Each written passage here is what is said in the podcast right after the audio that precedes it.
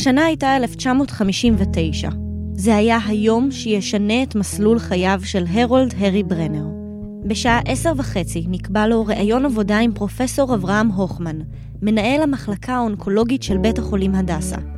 אם יתקבל, יוכל לעלות לארץ ישראל ולהתחיל בה חיים חדשים. בשעה עשר אני שם. אני לא הכי הכי דייקן בזמנים, בשעות.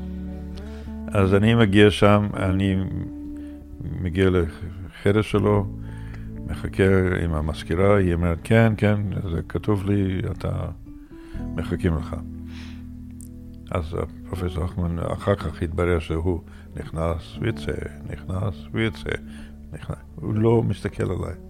לא אומר לי שלום, goodbye, how are you, nothing. בשעה אחת וחצי המזכירה אומרת לי, אוקיי, יש עכשיו תור שלך. נכנס לו, הוא מתחיל לחקור אותי, מי אתה, מאיפה אתה, מה אתה רוצה? אז אמרתי לו, אני רוצה לעשות התמחות באונקולוגיה. אז הוא אומר לי, אתה מדבר עברית? זה הכל באנגלית דרך אגב. אז אמרתי, לא, אבל אני, אני חושב שאני מספיק טוב בשפות, אני יכול ללמוד. אז תראה, אני לא פה להיות האולפן שלך. הסתכלתי עליו. You mean because of the language you're not going to take me? אז הוא אומר, כן. אתה צריך ללמוד עברית קודם. איך תדבר עם חולים? אמרתי לו, אני הסתדרתי עם הבורים בדרום אפריקה, ולא דיברתי אף מילה בבורית, אז אני אסתדר עם היהודים. אז הוא אומר, sorry, no place for you. לקחתי את הכובע שלי, את המעיל שלי, יצאתי, בכעס. כשהרי חשב שישראל ירדה מהפרק בשבילו, הוא לא ידע שהלא שקיבל בהדסה יאפשר לו את הזדמנות חייו. אבל רגע, בואו נחזור קצת אחורה. מה הקשר לדרום אפריקה? למה הרי בכלל הגיע לישראל? כדי לשמוע את הסיפור בשלמותו, פגשתי בנובמבר 2018 את הרי, אשתו רותי ושלושה מילדיו, אייל, שרון ושלי. הבן גיל, שיזם את הפגישה, ליווה מרחוק. נקודת הפתיחה שלנו היא במרחק של בערך 8,000 קילומטרים מסלון ביתם של הרי ורותי בתל אביב, היכן שנמצאת היום זימבבואה, ועד 1979 הייתה מושבה בריטית ששמה רודזיה, או ליתר דיוק, רודזיה הדרומית.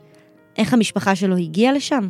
אז אמא הגיעה עם המשפחה שלה, שהיו רגילים להגיע לרודזיה, משום שאבא שלה היה סוחר בעיירה בשם דווינסק בלטביה, והיה לו חנות והוא היה מוכר כל מיני דברי אפריקאי, כמו אומנות אה, אפריקאית, אה, שטיחים מאור של אה, כל מיני חיות.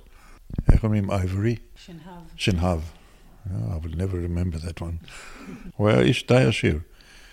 כשהוא ראה מה שקורה ב- ברוסיה, והוא הבין שזה גם יפלוש על uh, לטביה, uh, הוא לקח את כל המשפחה שלו, אמרו להם, אנחנו נוסעים לאפריקה. בת כמה אימא שלך הייתה כשהם עברו?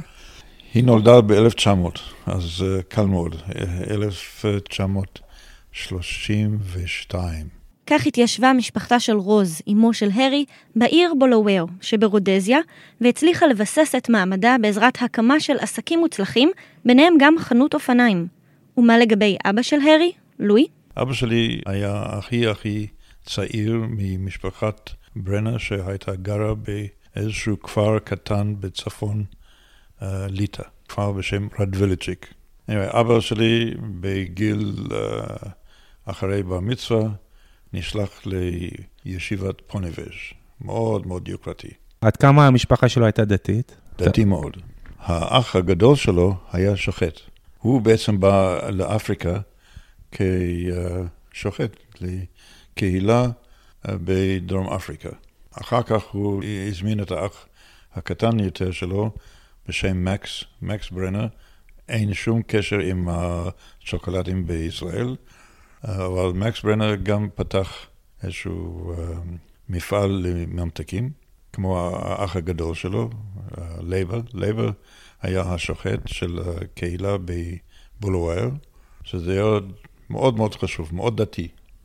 אבא שלי היה בפוניבז' בישיבה, עד גיל 18. בגיל 18 הוא ראה את האור, שאין אור, זה הכל bullshit. הוא אמר לי. אז הוא קם וברח משם. אחרי חזרתו בתשובה, לואי עזב לברלין, שם מצא עבודה כצלם עיתונות. הוא רצה לנסוע אל אביו, יעקב, שגר בארצות הברית, אך לא קיבל ויזה. יעקב ייעץ לו לחכות בקובה, עד שהאמריקאים יגדילו את מכסת הוויזות ליהודים מליטא. לואי נשאר בקובה שלוש שנים. בסופן דיבר עם אחיו, מקס ולייבה, שגרו באפריקה, ואמרו לו, אם אתה בארצות הברית, שם לא רוצים אותך בין כה, אתה יהודי, תעזוב את אמריקה, תבוא לאפריקה. וכך הוא עשה. כשאימא שלי וגם אבא שלי הגיעו לאפריקה, בקייפטאון, אמרו להם, sorry, אין, אין ויזות ליהודים. היה חרם נגד יהודים. אבל אמרו להם, אם אתם רוצים להיות באפריקה, הכי טוב, תיסעו צפונה לרודזיה, שם מתים לקבל לבנים.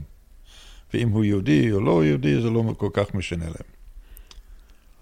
אז אה, אימא שלי הגיעה ב-1932, כמו שאמרתי, אבא שלי הגיע קצת יותר אה, מאוחר יותר, ונדמה לי 1935, והוא מצא את הגברת אה, צ'יטרין, האימא שלי, והם התחתנו. בשנת 1935 נולדה בתם הבכורה של לואי ורוז, שילה, שנתיים אחריה, בשנת 1937, נולד הרי, ושנתיים אחריו גם בן הזקונים סאני, סמואל אייזיק. לייבה, אחיו הגדול של לואי, פתח מפעל לממתקים, ובבניין ממול החליט לואי להקים מפעל לייצור חומרים כימיים. אותו מפעל נשרף פעמיים בגלל טעויות אנוש של העובדים. לאחר השרפה השנייה, החליט לואי לשנות כיוון. אז הלך לכל המשפחה, אמר, תראה, אני מומחה לסבון.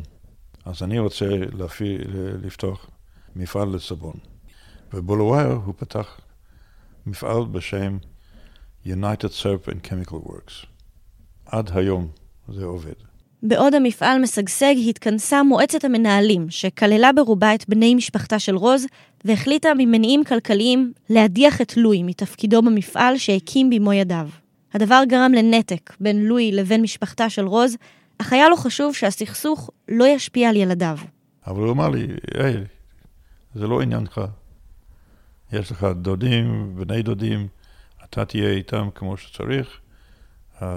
מה שהם עשו לי זה none of your business. אחרי שעזב את המפעל, החליט לואי לעבוד בחקלאות. הוא מצא חווה במרחק של כמה קילומטרים מבולוואר. ואני, זה אחד הזיכרונות הראשונות שלי, ש... Uh, היה בניין גדול, אה, שני חלקים, ואבא השתיל שם כל מיני סיטרוס פרוט, פירות עדה. ואני וסני, היה לנו חיים נהדרים. וכמובן גם שילה. הלכנו לבית ספר, שהיה אולי עוד חצי מייל מה, מהחווה. בית ספר היה בניין עולם גדול, עם כמה חדרים נלווים כאלה, you know, והם הביאו מורה מסקוטלנד. השם שלה מיס דוקר. או, שיהיה את ה... תראה, כל, כל הבית ספר היו 30 ילדים, מכל החוות מסביב. וכל כיתה היה אולי חמישה, שישה ילדים. אז בתוך העולם הזה, כל שורה של uh, דיסק, uh, שולחנות, היה כיתה אחרת. one teacher. לכל השלושים. לכל השלושים. וכל אחד. כל, שורה, כן, חמישה שורות, כיתה א', ב', ג', ד' וה', אצטרה, אצטרה, והיא שלטה על כולנו. אני זוכר, היום הראשון שלי בבית ספר, אחות שלי לקחתי ביד, היה שם איזשהו uh, uh, רחוב עד, עד, שעלה לאט לאט עד, עד הבניין, והיא לקחת לי ביד, ובדלת היא אומרת לי, עכשיו תשים את הנעליים. היה לי נעליים סביב הצוואר עם השרוכים. לא הייתי רגילה ללכת עם נעליים. גדלתי בחווה. אז אה, אוקיי, אז נעלנתי, נעלתי את הנעליים, נכנס לבית ספר. החווה המשפחתית, שכונתה הפולק, שגשגה, הרבה בזכות קרבתה למחנה צבאי בריטי סמוך, לואי החליט לרכוש חווה גדולה יותר, בתוך בלוואר. אבא, אתם הייתם אה, עובדים בחווה? כאילו, אתה ושילה? אני ושילה, לא, מה, יש פועלים. אה, אני לבן, אה, זה, זה לא יכול להיות. אבל אימא שלי הייתה, כן, מאוד מאוד פעילה על החווה. כמה היו? מה הם עושים? היה כמעט, כמעט שבט, משפחה אחת. היה לנו בוסבוי, בוסבוי, הוא היה בן אה, חמישים ומשהו, אה, מנהל העבודה שם, בשם אנדרו. לאנדרו היה לפחות שלוש נשים, ומכל אחד מהם לפחות שש-שבע ילדים. כולם גרו על החווה. כשאבא מת, אה, אנדרו בא לבית ובכה. אנדרו עבד איתנו מגיל שאני הייתי בן חמש, אה, 13-14 שנה. מאוד נאמן. בשנת 1945, כשהרי היה בן 11, תקפה את בולוואיו בצורת ועסקי החקלאות נקלעו לקשיים. לואי החליט שהוא צריך למצוא פתרון. אז באיזשהו משא ומתן עם האחים שלו, לייבה בבולוואיו ומקס בפיטרסבורג, הוא החליט לפתוח מפעל לממתקים, אבל אמרו לו, הם יעזרו לו, אבל לא ברודזיה. זה תחרות עם האחים. לא, זה, לא, זה לא פייר. לקחת מהם כסף וגם להיות בתחרות איתם. אז הוא החליט לעבור לביירה. ביירה זה עיירה קטנה במוזמביק, שזה היה הנמל הכי, הכי קרוב לרודזיה. שם דיברו פורטוגזית. ואבא היה שלוש שנים בקובה, הוא ידע לדבר ספרדית. הוא עבר לגור ולפעול בביירה. מה בעצם קרה? אתה והאחים שלך נשארתם או אנחנו שעברתם? נשארנו אותו? בבלואר. אמא הייתה נוסעת לחודש ימים להיות בביירה, יחד עם אבא, לעזור לו עם המפעל. אנחנו נשארנו אה, בבלואר אצל משפחה וחברים. אם אי אפשר היה לסדר איזשהו סידור, סני ואני היינו נשארים בבית, היה לנו אה, טבח ומנקה בית אה, ועוזר בית. הוא היה בא לדלת, לחלון שלנו ולדפוק, להגיד, time to get up. השם שלו היה סיקספנס, שישה פניז. והיה בסדר גמור. אנחנו אהבנו זה, אני וסני. ניצלתם את זה שיש לכם בית כן. לבד? כן, כן, מה עוד? כמה חודשים בשנה הם לא היו בבית? חודש כן, חודש לא, באופן שיטתי. זה היה קשה? כילד אתה זוכר את זה כמשהו שהפריע לכם? תראה, לא היה לנו אבא בבית. כשאימא הייתה בביירה, אנחנו נסענו גם לביירה מדי פעם. זה היה נחמד. החיים בביירה זה היה משהו מיוחד. למה? משום שבעיקר זה היה נמל. באזור של, ה, של החוף ים היה איזשהו, היה, מה אני קורא לזה? שיפרק. שריד- שרידים שם איזו אונייה שטבעה. אז שם היינו נכנסים, מתחלקים, מתלבשים, זה היה נחמד מאוד. בזמן שלואי היה בביירה, החיים נמשכו. הרי החל ללמוד בחטיבת הביניים. בתוך העיר זה בתי ספר רציניים, כל כיתה מינימום 20 ילדים, הג'וניור סקול היה 30. אז הגעתי לבית ספר אה, חטיבת ביניים, אה, עשו לי מבחן. הייתי צריך להיכנס לכיתה 2, אמרו לי, לא, לא, אתה יותר מדי אה, מתקדם, אז אתה הולך לכיתה 3. וכמה שנים היית שם? הייתי שם סטנדרט 3, 4, 5. בכיתה 5 עברתי לי תיכון. התיכון היה מילטון סקול. כאילו הייתי צריך לעבור בחינה, להתקבל לתיכון, ואמרו לי, לא, you're too, you're too advanced for אה, תיכון, אה, כיתה ראשונה, אז אתה כבר קופץ לשני. היו ארבע שנים, אז הייתי שנת, שנתיים, ואז עשיתי בגרות. בגיל 14 אני כתבתי את הבגרות, ועברתי בגרות ב-14, וקיבלתי ציונים טובים. אז עשיתי בבקשה להתקבל לבית ספר רפואה. אבל הרי לא התחיל ללמוד רפואה כל כך מהר, כי בכל זאת התעוררה בעיה קטנה. ב-14 אה, אתה לא מתקבל לבית ספר רפואה. שש שנים, 14 אתה בגיל 20 אתה רופא, לא מתקבל על הדעת. אז אמרו לי, חכה. אז חיכיתי עוד uh, שנתיים. אז הרי העביר עוד שנתיים בתיכון, בהן, למרות שלא באמת היה חייב, למד לבחינות הבגרות המתקדמות הכוללות את מקצועות המתמטיקה, הכימיה והלטינית. כשהגיע לגיל 16, יכל סוף סוף לנסוע לאוניברסיטת קייפטאון ולהתחיל את לימודי הרפואה, עליהם חלם כבר מילדות. אני חושב שהייתי עוד בחווה. הקורסים העובדים היו לוקים בכל מיני מחלות, כל מיני uh, מצבים כמו איתי, קופצים ושוברים רגל, שוברים אצבע, אז אני הייתי המטפל. איך ידעת איך לטפל בהם? אבא שלי היה מדריך אותי, וגם האימא. גם אימא רצתה להיות רופאה כשבצעירתה. שנה לאחר שהחל את לימודי הרפואה, אביו, לואי, שהיה בן 50, לקה בהתקף לב. באותו הזמן הרי בעצמו היה מאושפז בבית החולים בקייפטאון עם צהבת, ולא ידע דבר על שקרה לאביו. זה לא שאתה מרים טלפון, hey, הרי, your dad's sick. כדי לטלפן מביירה לבולוואיו, היית צריך להזמין שיחה עם, עם, עם, עם uh, בן אדם מסוים, המספר שלו, לשעה מסוימת. אני הייתי בקייפטאון, הוא היה בביירה, משפחה שלי בבולואר.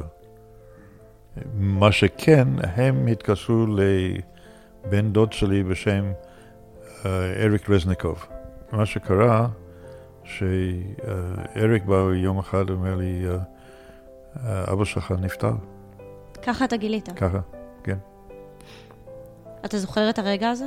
בהחלט, בהחלט. מה עבר לך בראש? מה פתאום? אה? אני בבית חולים, אה, שנה ראשונה שלי בקייפטאון. אה, כל התמיכה שלי פתאום נעלמת. טסתי לבולואר, והייתי שם בלוויה. רגע, אז איך אתה טסת שהיה לך, שהיית בבית חולים? איך יכולת לטוס? שמתי בגדים. לא היה אז ביטוח נסיעות כן. לחו"ל. לא. אה. ובעצם מהשלב הזה אימא שלך לוקחת אחריות על המפעל? כן. היא לקחה אחריות על המפעל. אחי באותו זמן גם התחיל אה, ללמוד רפואה. עבר שנה ראשונה, ושנה שנייה הוא נכשל. אז הוא אמר, תראה, אני לא רוצה להיות רופא. אני רוצה לנהל את החוות שלנו. אז סני בא וחזרה, הוא אסף את כל הפרות שהיו, הסתובבו על השכבה, מכר אותם, והתחיל uh, עם המשחטה שהיא... הוא וחברים uh, בנו ועדיין uh, עד היום מנהלים אותם. ומה קרה לעסק של אבא שלך? יום אחד אימא שלי ראתה שאני גמרתי את הבית ספר, היא לא צריכה לתמוך בי עם כסף, סגרה את המפעל, הלכה הביתה. זה. כן. כן, כן. החזיקה את זה בעצם רק בשבילך, כאילו כן, לתמוך בך. כן. חמש שנים. הרי סיים את לימודי הרפואה והחל בהתמחות. סיימתי בית ספר לרפואה. עשיתי שנה של סטאז'. אני, אני חשבתי שאני חוזר לבולואר, לעבוד באימפילה הוספיטל כרופא כללי. כללי, כן. אבל הפרופסור בכירורגיה בא אליי וביקש אם אני מעוניין להיות בכירורגיה, Division of Surgery. אז היה מאוד מאוד מחמיא, אז אמרתי, כן, בוודאי, of course. לא חשבתי הלאה שאני אעשה כירורגיה? No chance. לא הייתי כירורג, לא רציתי להיות כירורג. אני לא, uh, האופי שלי היא לא של כירורג שבא עם סכין למישהו וחותך, זהו. אתה צריך להיות ממש aggressive uh, guy. אני לא aggressive guy. אבל היו לך ידיים טובות. anyway, אני כן, הכניס אותי לחדר מיון לשישה חודשים. קייפטאון, הייתי שם uh, שש שנים לבית ספר לרפואה, עוד שנה לסטאז'. עכשיו אני בחדר מיון, אז התחלתי להיות כירורג ממש. חתכתי ופתחתי, ואחר כך עשיתי כירורגיה אורתופדית, אחר כך עשיתי כירורגיה חזה. כירורגיה חזה זה היה בשליטה של פרופסור קריסטיאן ברנרד. זה שעשה את החלפת לב הראשון. הוא היה מאוד מאוד קשה, איש לא נעים. היה יוצא מן כלל בשביל החולים שלו, אבל כלפי העובדים הם היו סתם עובדים. בזמנים ההם לא היה המושג של ICU, Intensive Care Unit, לא היה. אז אנחנו כמתמחים בתוך היחידה, היינו צריכים לעשות את ה-Intensive Care. אז אנחנו היינו, כל יום ראשון היינו מקבלים את החולים בשביל השבוע לעשות את הניתוחים. בדרך כלל אתה מתחיל ב-6 בבוקר, אנשים מתחילים להתאסף למחלקה וגומרים בערך בחצות. יום שני בבוקר, ביקור במחלקה עם הפרופסור בשש וחצי. ושמונה מתחילים הניתוחים. אז היינו הולכים למתמחים, אוקיי, אז עוברים את ה... היום בשלוש וחצי גומרים את הניתוחים, אז המתמחים צריכים לשבת עם החולה באותו חדר, לעשות לו פיזיותרפיה, משום שלא היה את התקן בשביל פיזיותרפיסט לעשות. אנחנו היינו עושים את ההשגחה על המצב של החולה עד למחרת. אם אתה עושה את החשבון, עושים בערך 144 שעות עבודה לשבוע. בלי תוספת שכר, בלי התחשבות במצב. הכי הכי קשה לי היה פעם, בערך בשלוש-ארבע בבוקר, באה בחורה קלד, צבעוני, מלאיה, אני חושב, במצע. היא קיבלה מכה מהשמשה של האוטו על הפנים, והייתה לה חתך מהמצח על העין ולתוך הלחי. אז אני התקשרתי לכירורג פלסטית שהיה כונן, אז אמרתי לו, היי, זה הזמן עכשיו, שלך. אז הוא אומר לי, לא, לא, לא, אני כל היום הייתי בחדר ניתוח, אין לי כוח עכשיו, אתה תעשה. אז אמרתי, אוקיי, אני אעשה את זה, מה? אז אני עשיתי את זה, אמרתי לה שתחזור אחרי שישה שבועות, והיא חזרה אליי, ואני נדהמתי גם. כמעט שאי אפשר היה לראות את הצלקת. זה היה מדהים, מדהים. אני חושב שזה יותר מזל ממה שכישרון, שזה הכל הלך טוב. דבר כזה זה לא מזל. אז קריסטיאן ברנרד היה באמת איש בלתי נסבל. אחרי שלושה חודשים ביחידה זו, אה, היינו צריכים להחליף. אז באה בחורה שלא היו לה ידיים בכלל, לא ידעה איך לעשות עירויים, לא... היא הייתה ממש מפחדת מכל דבר. היא החזיקה מעמד 24 שעות, והוא זרק אותה. אז בא בחור אחר, שאחרי שש שעות עם ההתמודדות עם הפרופסור, אומר, they can stick the job, I'm going. היה עוד מישהו, הוא גם החזיק מעמד איזשהו שבוע, אז הפרופסור קורא לי, אז אני בא אליו, חשבתי, מישהו התלונן עליי, you know, what the hell, פרופסור, הוא אף פעם לא מדבר עם מישהו מתחת לגובה שלו, הוא היה נמוך. אז פרופסור יאני לו, אז הוא אומר לי, דוקטור ברנר, Professor Barnard wants you to come back to him for another three months. אז אמרתי לו, תודה רבה. אני את שלי עשיתי, אני לא מוכן לחזור אליו. לא, אחר כך הוא אמר לי, דוקטור ברנר, do me a personal favor, go back and work with ברנרד. כשפרופסור, מנהל, uh, you know, הוא היה ממש טיירנט, איך אומרים טיירנט? טירן? רודן, רודן, that's the better word, yeah. הוא היה ממש רודן, הוא, אף אחד לא יכול לדבר איתו. פעם אחת אני יושב בחדר אוכל של החדר ניתוח, הוא נכנס, פרופסור, הוא מסתכל עליי, when I come in, you get up. Oh, you want me to get up? sure, אז קמתי, אוקיי. anyway, היו זמנים מאוד מאוד uh, כמו הימים ההם. זה, זה, זה, לא, זה לא מודרני היום, כשה, שהסטאז'ר יכול להגיד לפרופסור, אני לא מאמין, או לא מסכים. אחרי שעשיתי את התוספת של עוד שלושה חודשים אצל ברנרד, אז uh, פרופסור לא זכר שאני לא רציתי לעשות את זה, והוא הבין את זה היטב. אז הוא אמר לי, אוקיי, אני אתן לך שישה חודשים מנוחה, אתה הולך עכשיו לאונקולוגיה.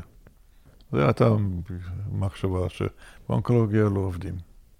הרי אין, אין ניתוחים, יש אולי אה, קבלת חולים פה ושם, אין מה לעשות עם חולים, כולם מתים, ובעיקר עם הטיפול שנתנו.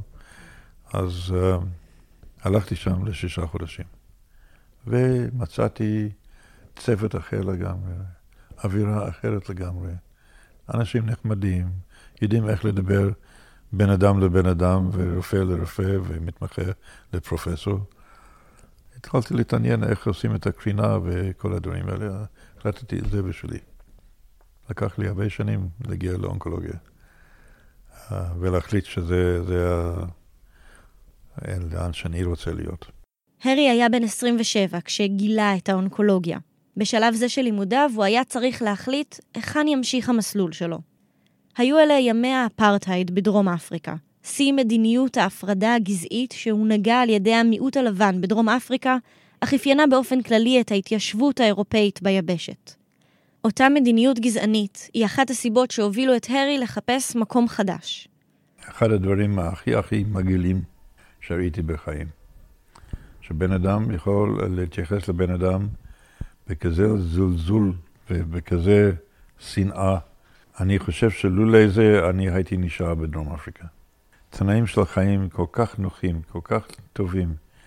תראה, בחדר מיון, איפה שאני עבדתי, היו מגיעות, מגיעות uh, נשים בשנות ה-30-40 של החיים שלהם, כושיות, עם תלונות מוזרות, שלא מתאימות לשום מחלה שאני, שאני אי פעם הכרתי. עד כדי כך שפעם אני שלחתי מישהי לפסיכיאטר. כשאני שאלתי חבר'ה שם, what the hell, מה, מה, מה כל זה? אז אמרו לי שבעצם היה הרבה הרבה uh, גברים, כושים, שהגיעו לגור בסביבה של קייפטאון, לעבוד, ולא היה לנשים שלהם uh, רישיון לגור איתם. הם גרו במעונות. Uh, אז מדי פעם השלטונות היו נותנים. אישור לאישה שהיא תהיה, שהיא תגור אצל ה... עם הבעל שלה לשלושה חודשים, כדי שהיא תיכנס להיריון, פשוט מאוד. אחרי שגיליתי את זה, הייתי נותן לכל הנשים האלה שהגיעו, מיד גיליתי מה זה, ו... בואו ניתן להם כל מיני בדיקות לעשות, שייקח זמן, שייקח לא חשוב כמה. שיהיה להם uh, חיים uh, משפחתיים כמה שניתן בתנאים של אפריקה. בזמן שהייתי צריך להחליט איפה אני אחיה לעתיד ומה אני הולך לעשות, החלטתי שאפריקה מספר אחד שלא. אני החלטתי שאם אני כבר הולך לעשות התמחות, יותר טוב שאני אעשה התמחות איפה שאני רוצה לגור. וכבר ידעתי שאני רוצה לגור בישראל. מאיפה הגיעה הציונות הזאת אליך? מהבית? Um, לא, לא, דווקא לא מהבית, uh, מהבונים. הייתי ב... Uh, זה כמו צופים. תנועת נוער. תנועת נוער, כן. הייתי you know, די פעיל בתנועות נוער, והם היו מאוד מאוד uh, ציונים. זה עוד כשהיית בבית ספר, בחטיבה או בתיכון? כן, כן, כן. אז uh, אני החלטתי שאני רוצה לעלות ארצה, אז אני אעשה התמחות פה. דרך הפרופסור טודי שרירה, הכירורג הראשון, שתמך בי, שיצאתי עם אחת מהבנות שלו. ועדיין הוא תמך בך. הוא עדיין תמך בי, כן. הוא אמר, יש לי חבר שהוא סגן מנהל uh, בית uh, חולים הדסה בירושלים. הוא יסדר לי רעיון עם האונקולוגים שם. באותו יום בו נקבע להרי הראיון עם האונקולוג פרופסור הוכמן מהדסה, הוא קיבל את משרת חייו. אבל, אולי אתם זוכרים מתחילת התוכנית, את המשרה בהדסה, הרי לא קיבל, כי לא דיבר עברית. You mean because of the language you're not going to take me? אז הוא כן. אז מה קרה? כועס ומאוכזב הלך הרי למשרדי הסוכנות לענייני יהודים דרום אפריקאים שהייתה בתל אביב, אותה ניהל סם לוין. שם סיפר כי לא קיבל את התפקיד. שאלו אותי, אה, אז מה אתה הולך לעשות? אמרתי, יש לי טיסה הערב לדרום אפריקה, אני נוסע. אז שאלו אותי, אתה היית אצל uh, פרופסור שיבה? אמרתי, הוא שיבה. אחר כך uh, אמרו לי, תראה, הם יסדרו לי ממש רעיון עם פרופסור שיבה. מתקשרים טלפונית, פרופסור שיבה אומר, הוא מוכן בהחלט לקבל אותי לרעיון עכשיו. אז לקחתי uh, אוטובוס 75, אני חושב שזה היה. הגעתי לפרופסור שיבה, אני מגיע שם, אז המזכירה שלו, רוזה, אומרת לי, uh, הוא באמצע איזו uh, uh, ועידה מאוד חשובה עם uh, צוות רופאים. אבל הוא אמר שאתה צריך להיכנס לי, לשמוע איך זה הולך בישראל. נגמר בפגישה, והוא מתחיל לדבר איתי, ואמר לי, תראה, אין אף אחד בתוך בית חולים שיבא, בית חולים תל השומר, שיכול ללמד אותי. פשוט לא היה להם אונקולוג. אבל אם אני אעשה את ההתמחות שלי במקום אחר, כמו ג'ונס הופקינס בסלואן קטרינג, אז הוא מבטיח לי ג'וב. לא היה אונקולוגיה? לא היה אונקולוגיה. לא, זה, זה בחיתולים האונקולוגיה היה. היה uh, מישהו שהיה בא פעמיים בשבוע להפעיל את המכשירי קרינה. זה כל האונקולוגיה, כל האונקולוגיה. לא הבין באונקולוגיה בכלל. אני בדרך חוצה, אז הוא אומר, רגע, רגע, רגע. מה רגע? תראה, אל תלך לארה"ב, לג'ונס הופקינס, משם אתה לא תחזור. תיסע לאנגליה. משם תחזור. אמרתי לו, אוקיי, בסדר, אין לי שום בעיה. חזרתי לקפטאון, התחלתי לכתוב את המכתבים שלי לאנגליה. 30 מכתבים. קיבלתי תשובה של ארבע. כולם אומרים, תגיע פה, תופיע בוועדה, אנחנו נעשה לך הערכה. אז הלכתי לפרופסור שלי שם, האונקולוג, זה שרצה להקים את המרכז, אז הוא אומר, עשית טוב, אני אסדר לך את הג'וב. הוא היה קווייקר, זה כת uh, של נוצרות, אז הוא סידר לי. היה לו גם איש קווייקר בניוקאסל אפון טיין, באנגליה, וביניהם הם סידרו לי את ה... את ה... אז הג'וב שלך זה בזכות uh, קשרים של Quakers. כן, כן. כן, בהחלט. בשנת 1964, הרי הגיע ללונדון על משרת הקווייקרים, שסודרה לו בבית החולים ניו קאסל. אחרי שנה ורבע במחלקה, החליט לראשונה לבקש מהאחראי עליו לקבל חולים שיהיו תחת טיפולו הבלעדי. אחרי uh, יומיים שלושה הוא קורא לי, אומר לי, תראה, דיברנו עליך. אף אחד לא מוכן לתת לך את החופש לטפל בחולים שלך. אז אמרתי לו, תראה, אם ככה, נא לקבל את ההתפטרות שלי, אני מתפט... מתפטר. אז הוא אומר, אוף, know, זה, זה בעיה בשבילנו, משום שאין להם ילד ש... go for, you know, go for this, go for that. את העבודה המלוכלכת. מלכלכת אני עושה.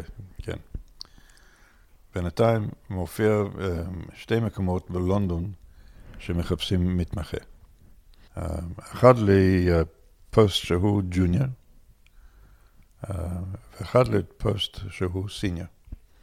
אז התקבלתי לרעיון בשתי המקומות האלה. מקום ראשון לג'וניור פוסט היה בבית חולים על שם סנט ברת'ולמיוס, מאוד מאוד מפורסם. אז אני מגיע שם לרעיון, אז הרעיון הולך ככה: Good morning, uh, what's your name? Harold Brenner, uh, where you from? אני מרודזיה. אתה יהודי? כן, אני יהודי. למה? אז הוא אומר, well, you know, we have a policy in this hospital. לא יכול להיות יותר מחמישה אחוז מהרופאים יהודים. אז אמרתי, תראה, in that case, um, I'm not sure I want to work with you. So please, you know, if you don't mind, I have a interview tomorrow at the Royal uh, Marsden Hospital. If I don't get that job, I'm going to come back and try again. אבל אם I get the job, sorry, I'll go with them. למחרת אני מופיע ברויאל מארסדן, שזה הבית חולים בשביל ג'וב שהוא סניור. אני יושב שם בתוך החדר שכל המתמחים מחכים, הודים, פקיסטנים, שוודים, אף אחד מהם לא אנגלי חוץ מאחד. וברור שהוא אנגלי, משום שהוא יושב שם עם מחתרת בפה, והוא מסתכל על כל ה... you know, הקטנים הלא שווים וזלזול כזה. אבל בכל זאת דיברתי איתו. What's your name? דוקטור ברוד. אז הוא שואל אותי, מה אתה עושה פה? אז אמרתי, אני באתי בשביל ה-senior registrar job. אז הוא אומר, sorry, but it's already taken. אז אמרתי, what do, what do you mean? Well, which one of these guys? He says, me. The job's been promised to me. As Madhu, so you think that I shouldn't even wait? So he said, no, wait, you know, just for fun. So take, do the interview and see what, what they want. כל החבר'ה, ההודים ופקיסטנים ושוודים, התקבלו לעשר דקות רעיון, and that's it. הוא נכנס, שעה. הוא יוצא, הוא כמעט, אתה רואה שהשרירים שלו על הפנים, והוא סוגר את השיניים שלו על המכתרת. אני נכנס. היה שם uh, צוות של שישה אנשים, מתחילים לשאול אותי שאלות. חשבתי בסופו של דבר ישאלו אותי איזה סבון אני משתמש בבוקר. כל דבר שיוכלו לשאול. אחר כך התברר שהאדון דוקטור ברוד עבד שלושה חודשים עם ג'וליאן בלום. ג'וליאן בלום היה רופא מבריק אבל הוא היה משגע אנשים. בשביל חצי מילימטר של שינוי, הוא היה עוצר את כל הפעולה, לחזור, לעשות את כל התכנון מחדש, ולעשות עוד פעם. על חולה שהולך למות כה. אז ג'וליאן לא הסתדר עם ברוד. ברוד היה אומר לו, אך, לא כדאי. אז ג'וליאן אומר, This is a human being, young man. You will do it. אז שמו כזה, ברוד, עבד בשביל ג'וליאן, התווכח איתו, זלזל בו, וכשבא הבורד ריוויו, ג'וליאן היה יושב ראש. אז הוא התנגד שהוא יקבל את הג'וב, למרות הפרופסור שהיה מנהל של כל המוסד, הבטיח לו את הג'וב, משום שהוא אנגלי והוא אנגלי, היו צריכים לתת ג'וב למישהו. אז בא הארי ברנר, נחמד, מציל את המצב, יהודי טוב. הארי קיבל את המשרה ברויאל מרסדן הוספיטל. שם עבד כשלוש שנים, בסופן באוקטובר 1967, כשהוא בן 30, ניגש לבחינת הסיום של ההתמחות באונקולוגיה והחל להתכונן למעבר לארץ ישראל. מספר חודשים לפני המעבר המתוכנן, פרצה מלחמת ששת הימים. אז אמרתי, תראה, אני רוצה לגור בישראל, את החיים שלי שם. זה לא פייר שאני רק בא כשהכול שקט. יש צורך לרופאים. אני הייתי רופא די בכיר בכירורגיה וחדר מיון. אני יכול לתרום, אז אני הת- התנדבתי. ביום שלישי של מלחמת ששת הימים, לקחו אותנו למלון בבייזווטר בלונדון, ואמרו לנו, מיד שיש מטוס, אתם טסים. ביום חמישי על הבוקר אמרו לנו, אתם טסים היום.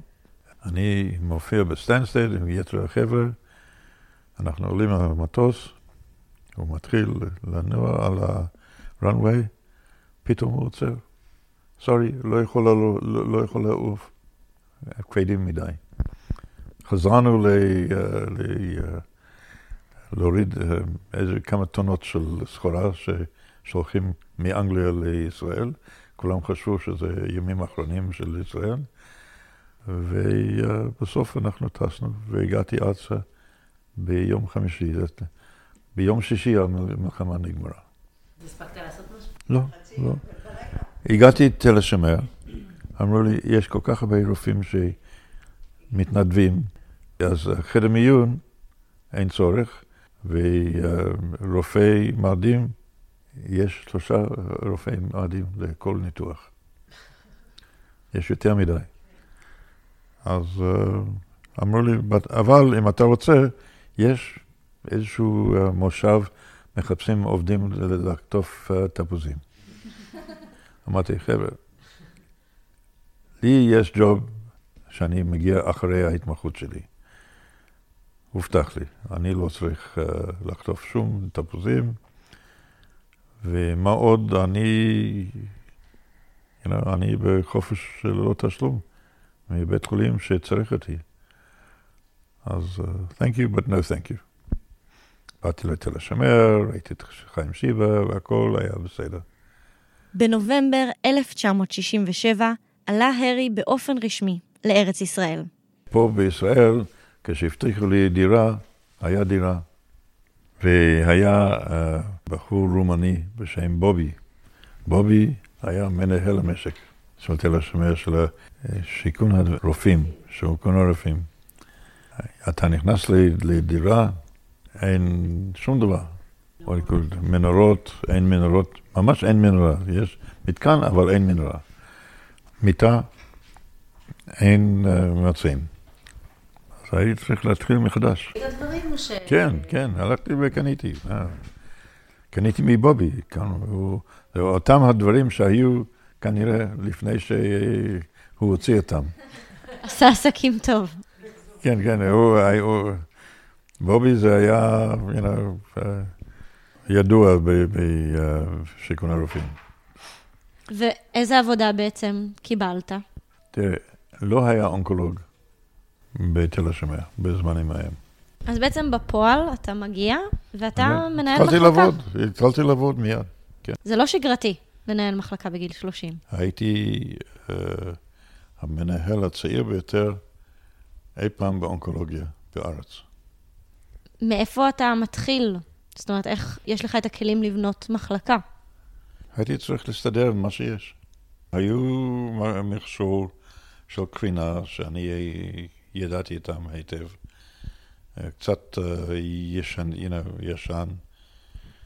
ובניתי, בניתי גם פיזית, uh, הקמנו uh, קירות חדשות, יחידה, know, עשיתי חילוקי של חדרים חדשים. הייתי צריך לעשות טיפולים כימיים, ולא היה לנו חדר בשביל זה, עשינו את זה באמצע פרוזדור. תוך כמה זמן התחילו להיות לך שם רופאים תחתיך? הייתי הרופא היחיד עד שדוקטור חייצ'יק הגיע. הוא היה בהתמחות בסקוטלנד אחרי שנה. אז שנה שלמה, בעצם מחלקה שלמה עליך. כן. בשנה הראשונה, שאתה רק מגיע, אתה גם צריך לעשות התמודדות נוספת, שזה לא שפה. כל כך קל, לא כל כך קל. אני גם uh, הייתי משחק סקווש. הייתי נוסע פעם בשבוע לאימקה בירושלים, ושם uh, אני שיחקתי סקווש באליפות הארץ נגד בחור בשם רג'ואן. הוא נתן לי כדור בפינה, אני הגעתי שם והוצאתי את הכדור, אבל אני לא יכולתי לזוז. הייתה לי דיסקוס. הייתי צריך לצאת מהחדר. חדר סקואש של אימקה לא היה חדר, לא היה דלת. היית צריך להוריד סולם ולעלות על הסולם ואז לצאת. Not so easy, כשיש לך דיסקוס וכאבים איומים בגב. הצלחתי להגיע עד האוטו שלי, אבל כמובן אתה יושב באוטו, אז היה בסדר. הגעתי לאוטו שלי, נסעתי לתל אביב, לתל השומר, נכנסתי לחדר שלי, בחדר שכן היה בחור בשם נרובאי. דוקטור נרובאי הוא אורתופד מדרום אמריקה, והחבר שלי, יצאנו יחד, כל מיני בנות.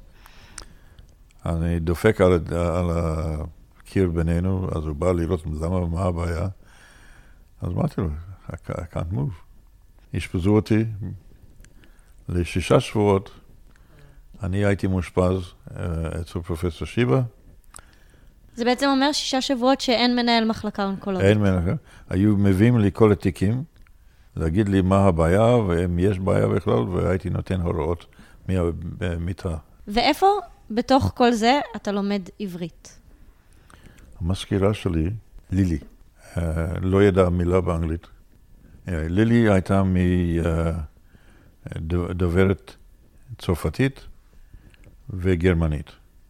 דיברתי איתה ביידיש וצרפתית, ידעתי קצת צרפתית מבית ספר, אז אה, לילי לימדה אותי עברית.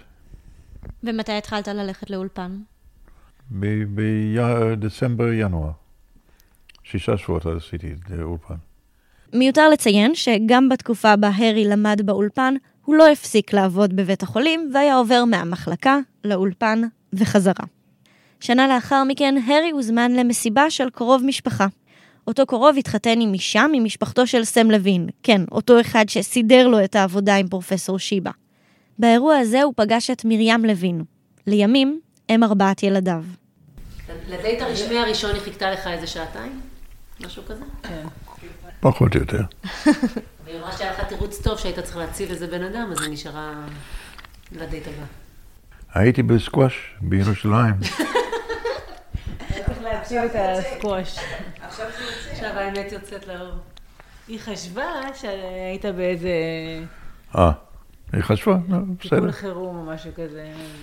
היה חירום, כן. בשנת 1970, הארי ומרים התחתנו, ושנה לאחר מכן נולד בנם הבכור אייל. לזוג נולדו שלושה ילדים נוספים, שרון, גיל ושלי. ביקשתי מהם לשתף אותנו בזיכרונות הילדות עם אבא הארי. היינו רצים בשכונה בגני תקווה כן. מסביב ל... הבלוק, כן. אני הייתי עושה, בקושי עושה סיבוב אחד ואתם הייתם ממשיכים כמה. היו זמנים. אתה לוקח אותי על הכתפיים בטיולים, כל מיני טיולים שהלכנו, היינו מטיילים. הגנת הטבע, כן. כן, בשבתות היינו הרבה מטיילים. קלאב הוטל, טבריה. ואילת. כן. היינו נוסעים לאילת, אבל לא היינו בקלאב הוטל אילת, משפחה אה. שלנו, כילדים. היה לנו גם קלאב הוטל בטבריה וגם אה, גם אילת, כן. אה, עשינו דברים יחד. אה, היינו מגיעים ל- ל- לאילת ועם אמא שלי, ואנחנו היינו בעולים, אבל היא הייתה אה, אה, נחה בתוך האוטו. במושב האחורי של האוטו היה לנו פז'ו אה, 504, גדול, וגרני היה נשאר בתוך האוטו בלילה. גם באילת, אה, אחרי שאתה עובר את הגבול עם מצרים, נואבה. אתה זוכר שאתה אספת, אה, what do you call it, אה. פתאום הם קמו והלכו. באמצע הלילה. לא, נורא נבהלתי, מאוד מאוד נבהלתי. כן. אספנו מלא צדפים, הם היו מאוד יפים, ואספנו אותם בערימה, באמצע האוהל, ואז אה, פתאום באמצע הלילה כל הצדפים התחילו ללכת, אה, וזו הייתה חרדה מאוד גדולה, לא, לא, לא, לא הבנו מה קורה, לא הבנו מה זה. כן, היה לנו אוהל עם שני חדרים ומרפסת. זה היה נחמד. ארבע ילדים, כל אחד רצה למשוך איזשהו חוט ו- ולתת מכה לטד כדי אה, להקים את האוהל. זה היה נחמד, אה, היו זמנים טובים. היו גם שלוש שנים שלנו בארצות הברית. כן. ב-1979 היינו ברוד איילנד. שלי עדיין לא יכלה ללכת, ויש לנו תמונה שהיא לקחת את הצעדים הראשונים שלה, ויש לנו סרט של אה, שרון אה, רקדת, ואפשר לראות שזה, know, עם כל הלב, באמת. עשינו שנה של שבתון, בשבילי זה היה, ואני העברתי עם מעבדה בבראון יוניברסיטי, הייתי שם visiting professor בבראון יוניברסיטי, שזה, know, אחד מהגדולים של ארה"ב. אני חושב שזה היה הזמן שאני הכי הכי נהניתי להיות עם הילדים. היה טוב. אני זוכרת שאת התקופה הזאת, שבאמת כנראה היית חוזר בשעה נורמלית הביתה. כן. אני זוכרת שהיית, הייתה תחנת אוטובוס, היית נוסע באוטובוס, אני זוכרת שהייתי מחכה לך בפינה של הרחוב, היית יורד נכון, ב... נכון. בתחנה. והיינו רצים, הייתי רצה כן. אליך ככה לחיבוק.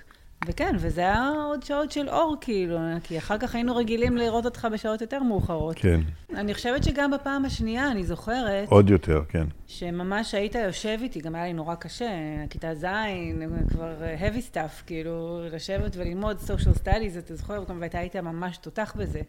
הייתי יושבת עם אבא, הוא היה פחות או יותר פותר בשבילי את השיעורי בית, וכאילו, מאיפה אתה יודע את הדברים האלה? כזה ידע כללי מטורף, כאילו, כל מיני היסטוריה של ארצות הברית, ומאיפה ידעת, כאילו, באמת, עד היום אני לא מבינה, כאילו, מאיפה היה לך זמן ואיפה היה מקום במוח לכל הדברים האלה, כאילו...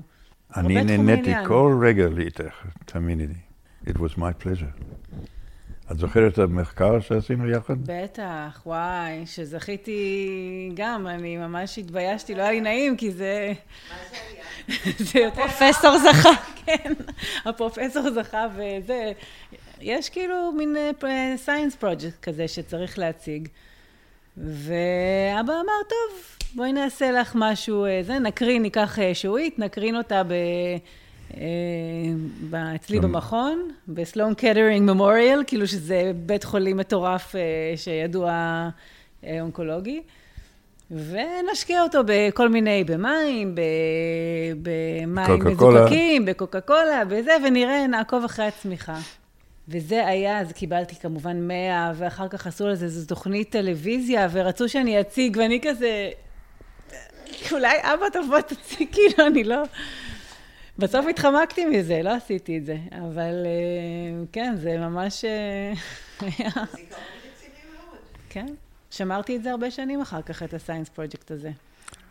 מה שהיה מעניין אה, בשבילי, שעשינו את הכל על מחשב, את הגדילה של ה... של ה... כן. זה היה די ההתחלה של כן. ה-PC. ולא היה אקסל ולא היה אפשרות לעשות, והייתי צריך ללמוד את זה. והיה לנו איזשהו מדען בסלון קטרינג שעזר לי ב- במחשב הזה. זה היה מחקר אקדמי בעצם. לגמרי. איך חוויית ההורות השפיעה עליך? להיות מורה, יוצא מן הכלל. יופי. עם הילדים האלה לא היה לנו רגע של שקט.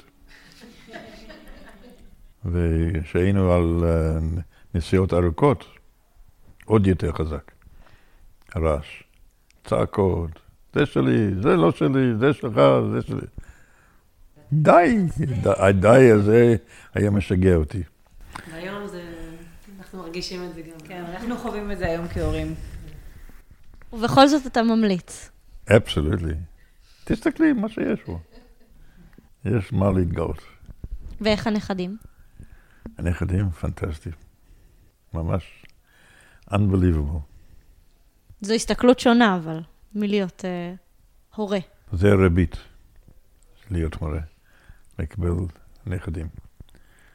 כמה יש לי? 14? 14. לרותי, 11. אז בינינו, 25 צאצאים כאלה. משהו, משהו. ואתה עדיין עובד? בוודאי. איך יש לך עוד כוח?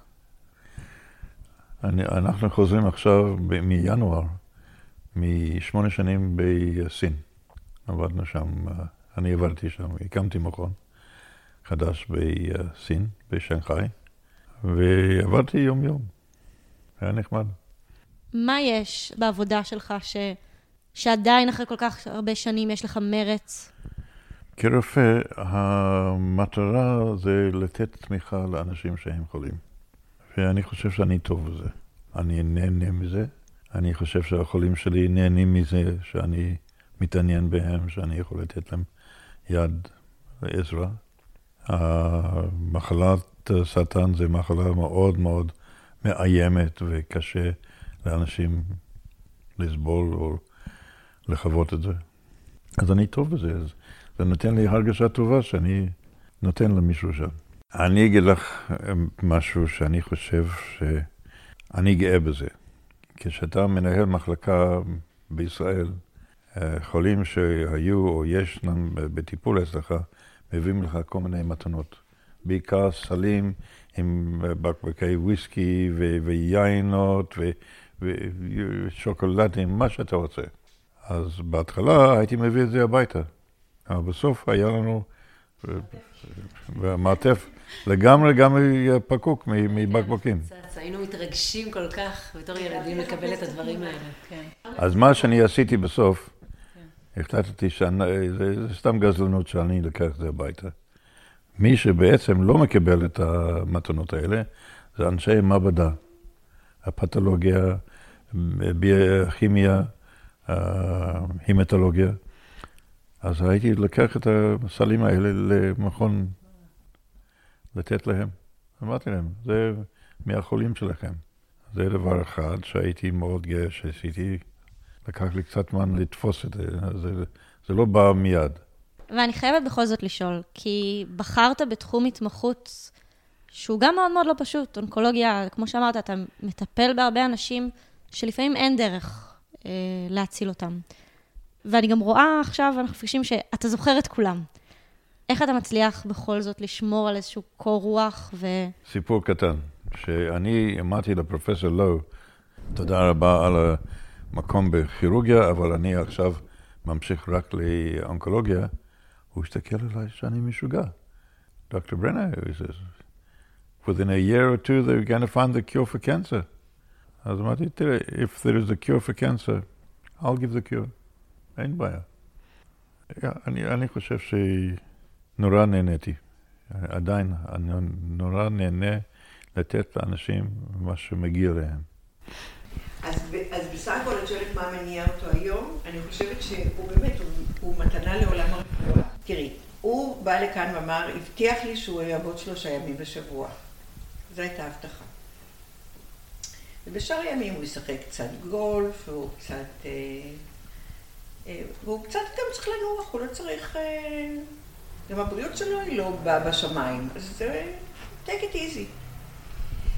ואז... אה, ואז ביקשו אותו שיבוא לעבוד, אה, למלא מקום של חבר, שהיה פעם מתמחה שלו, שכעת חולה ושוכב באיכילוב, ולא יכול להפעיל את המרפאה שלו, אז אם הוא יכול לבוא בימי חמישי בצהריים, לשעתיים שלוש. אז הוא אמר, כן, למה לא? ומהשעתיים ושלוש האלה בזה, זה הפך להיות ארבע-חמש שעות, ומארבע-חמש שעות ביום חמישי רק, זה כבר הפך להיות פעמיים בשבוע. באמת? בשני וחמישי. אתה הולך גם שני בקיצור, וגם הוא חמישי? עובד כל יום.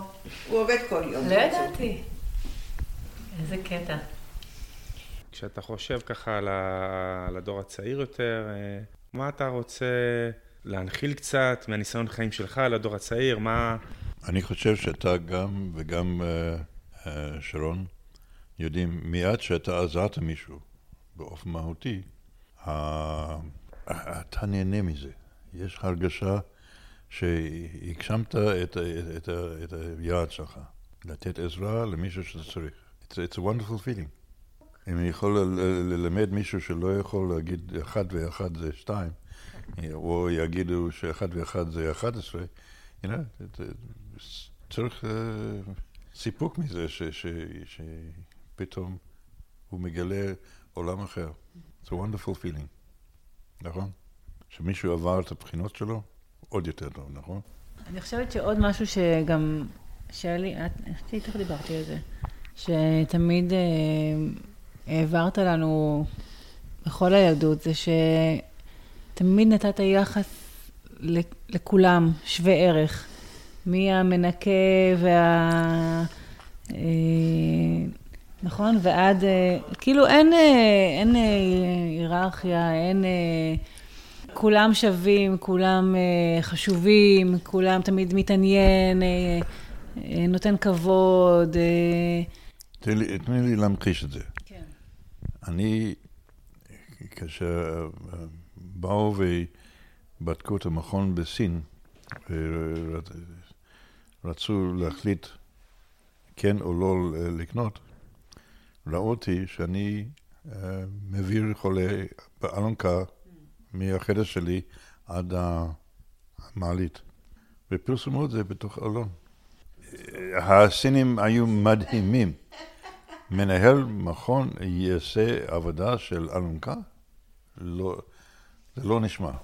נדהמו. אה, יש עוד דוגמה שגיל סיפר לי, אה, ככה בטלפון. אה, אני לא יודעת אם אתה זוכר, אבל הוא אמר שהוא ממש זוכר סיפור מ... שאני חושבת שכשהיינו בארצות הברית זה היה, וקניתם לנו מקדונלדס. אז תספרי את? גיל סיפר לי, אבל תספרי. תספרי אז את, כי אני לא... זה זיכרון מאוד חזק שלי גם. שהיה את המקדונלדס הקבוע שהיינו יוצאים אליו, וזה פעם אחת אה, הלכנו וישב שם איזה, כנראה הומלס או מישהו כזה מאוד מאוד עני שספר את הכסף. ממש לא היה לו מספיק כסף לארוחה שלמה, ואתה באת ובעצם אה, הצעת, רצית לקנות לו את הארוחה, והוא ממש סירב, הוא לא הסכים. אבל אה, אתה ממש ככה ניסית והתעקשת, וגם, כאילו, זה, היו עוד הרבה מקרים כאלה שהיית... תורם בסתר, ו, ותמיד... אה, אה, אה, הצוות, היו המון שומרים אצלנו בבית. בכניסה היו שניים, בדף הקבלה, בליד המעלית וזה. הם הכי אהבו שארי מגיע. ארי מגיע, הוא כל הזמן רק מחלק. כן. בסין אין טיפים, אבל הוא כל הזמן מחלק. כן. אז היה מגיע, אם הוא היה יורד רק למטה, אנחנו מחכים לטקסי, ישר הם היו קופצים שישה איש. נעמדים על הכביש ועוצרים כל מכונית עם הידיים והרגליים. אתם הייתם צריכים לראות, זה היה כמו תיאטרון ממש, לראות את המחזה הזה. בשבילו הם היו מוכנים להשתטח, אבל ככה גם אנחנו הגענו עכשיו לביקור בשלחי, והייתם צריכים לראות בבית חולים. אז ארי אמר, דבר ראשון שהוא נכנס, וכולם רצו אליו. הייתם צריכים לראות את כל הסיניות האלה, הבנות, החמודות, כולם, מכל הכיוונים, הם רצים מכל... תכף הודיעו לכל מחלקות למעלה, שירדו כולם למטה כי אלי הגיע. אני רוצה להגיד לכם שמסיבה כמו שהם עשו לו, המסיבת יום הולדת שהם עשו לו, ואחר כך המסיבת פרידה שלנו, הם עשו חזרות, כל מחלקה ומחלקה. עשו חזרות, כל הצוות, מה הם הולכים, איזה הצגה הם הולכים לעשות, איזה ריקודים, איזה ריקוד, איזה שיר, איזה... זה פשוט היה ארבע שעות במלון, מפואר בצורה מטורפת מה שהם עשו שם, לקחו קומה שלמה של אולם ועשו לו חגיגה כזאת, אמרתי לו, תראה ירי, לא יכול, עכשיו אתה לא יכול כבר להתחרט ולחזור. לנכדים, יש לך טיפ לחיים? תהיה בן אדם, ת, תבינו שיש בני אדם שהם לא כל כך uh, עם המזל שיש לך, יש לך הורים. שנותנים תמיכה, אה, נותנים אה, ידע וחינוך. תתן לאחרים גם, כל אחד מגיע לו. Go for the good things, ותן לאחרים גם. אתה לא צריך להיות ראשון. לסיום התוכנית שאלתי את הרי אם יש עוד משהו שהוא היה רוצה להוסיף. קודם כל, אני נורא נורא uh, שמח שהילדים ביקשו את זה. אני לא, לא הייתי חושב על זה על עצמי בכלל. כל כך מחמיא שהילדים שלך רוצים לדעת את, את הסיפור החיים שלך. טוב לי. מאוד טוב לי. Thank you. Thank you. תודה.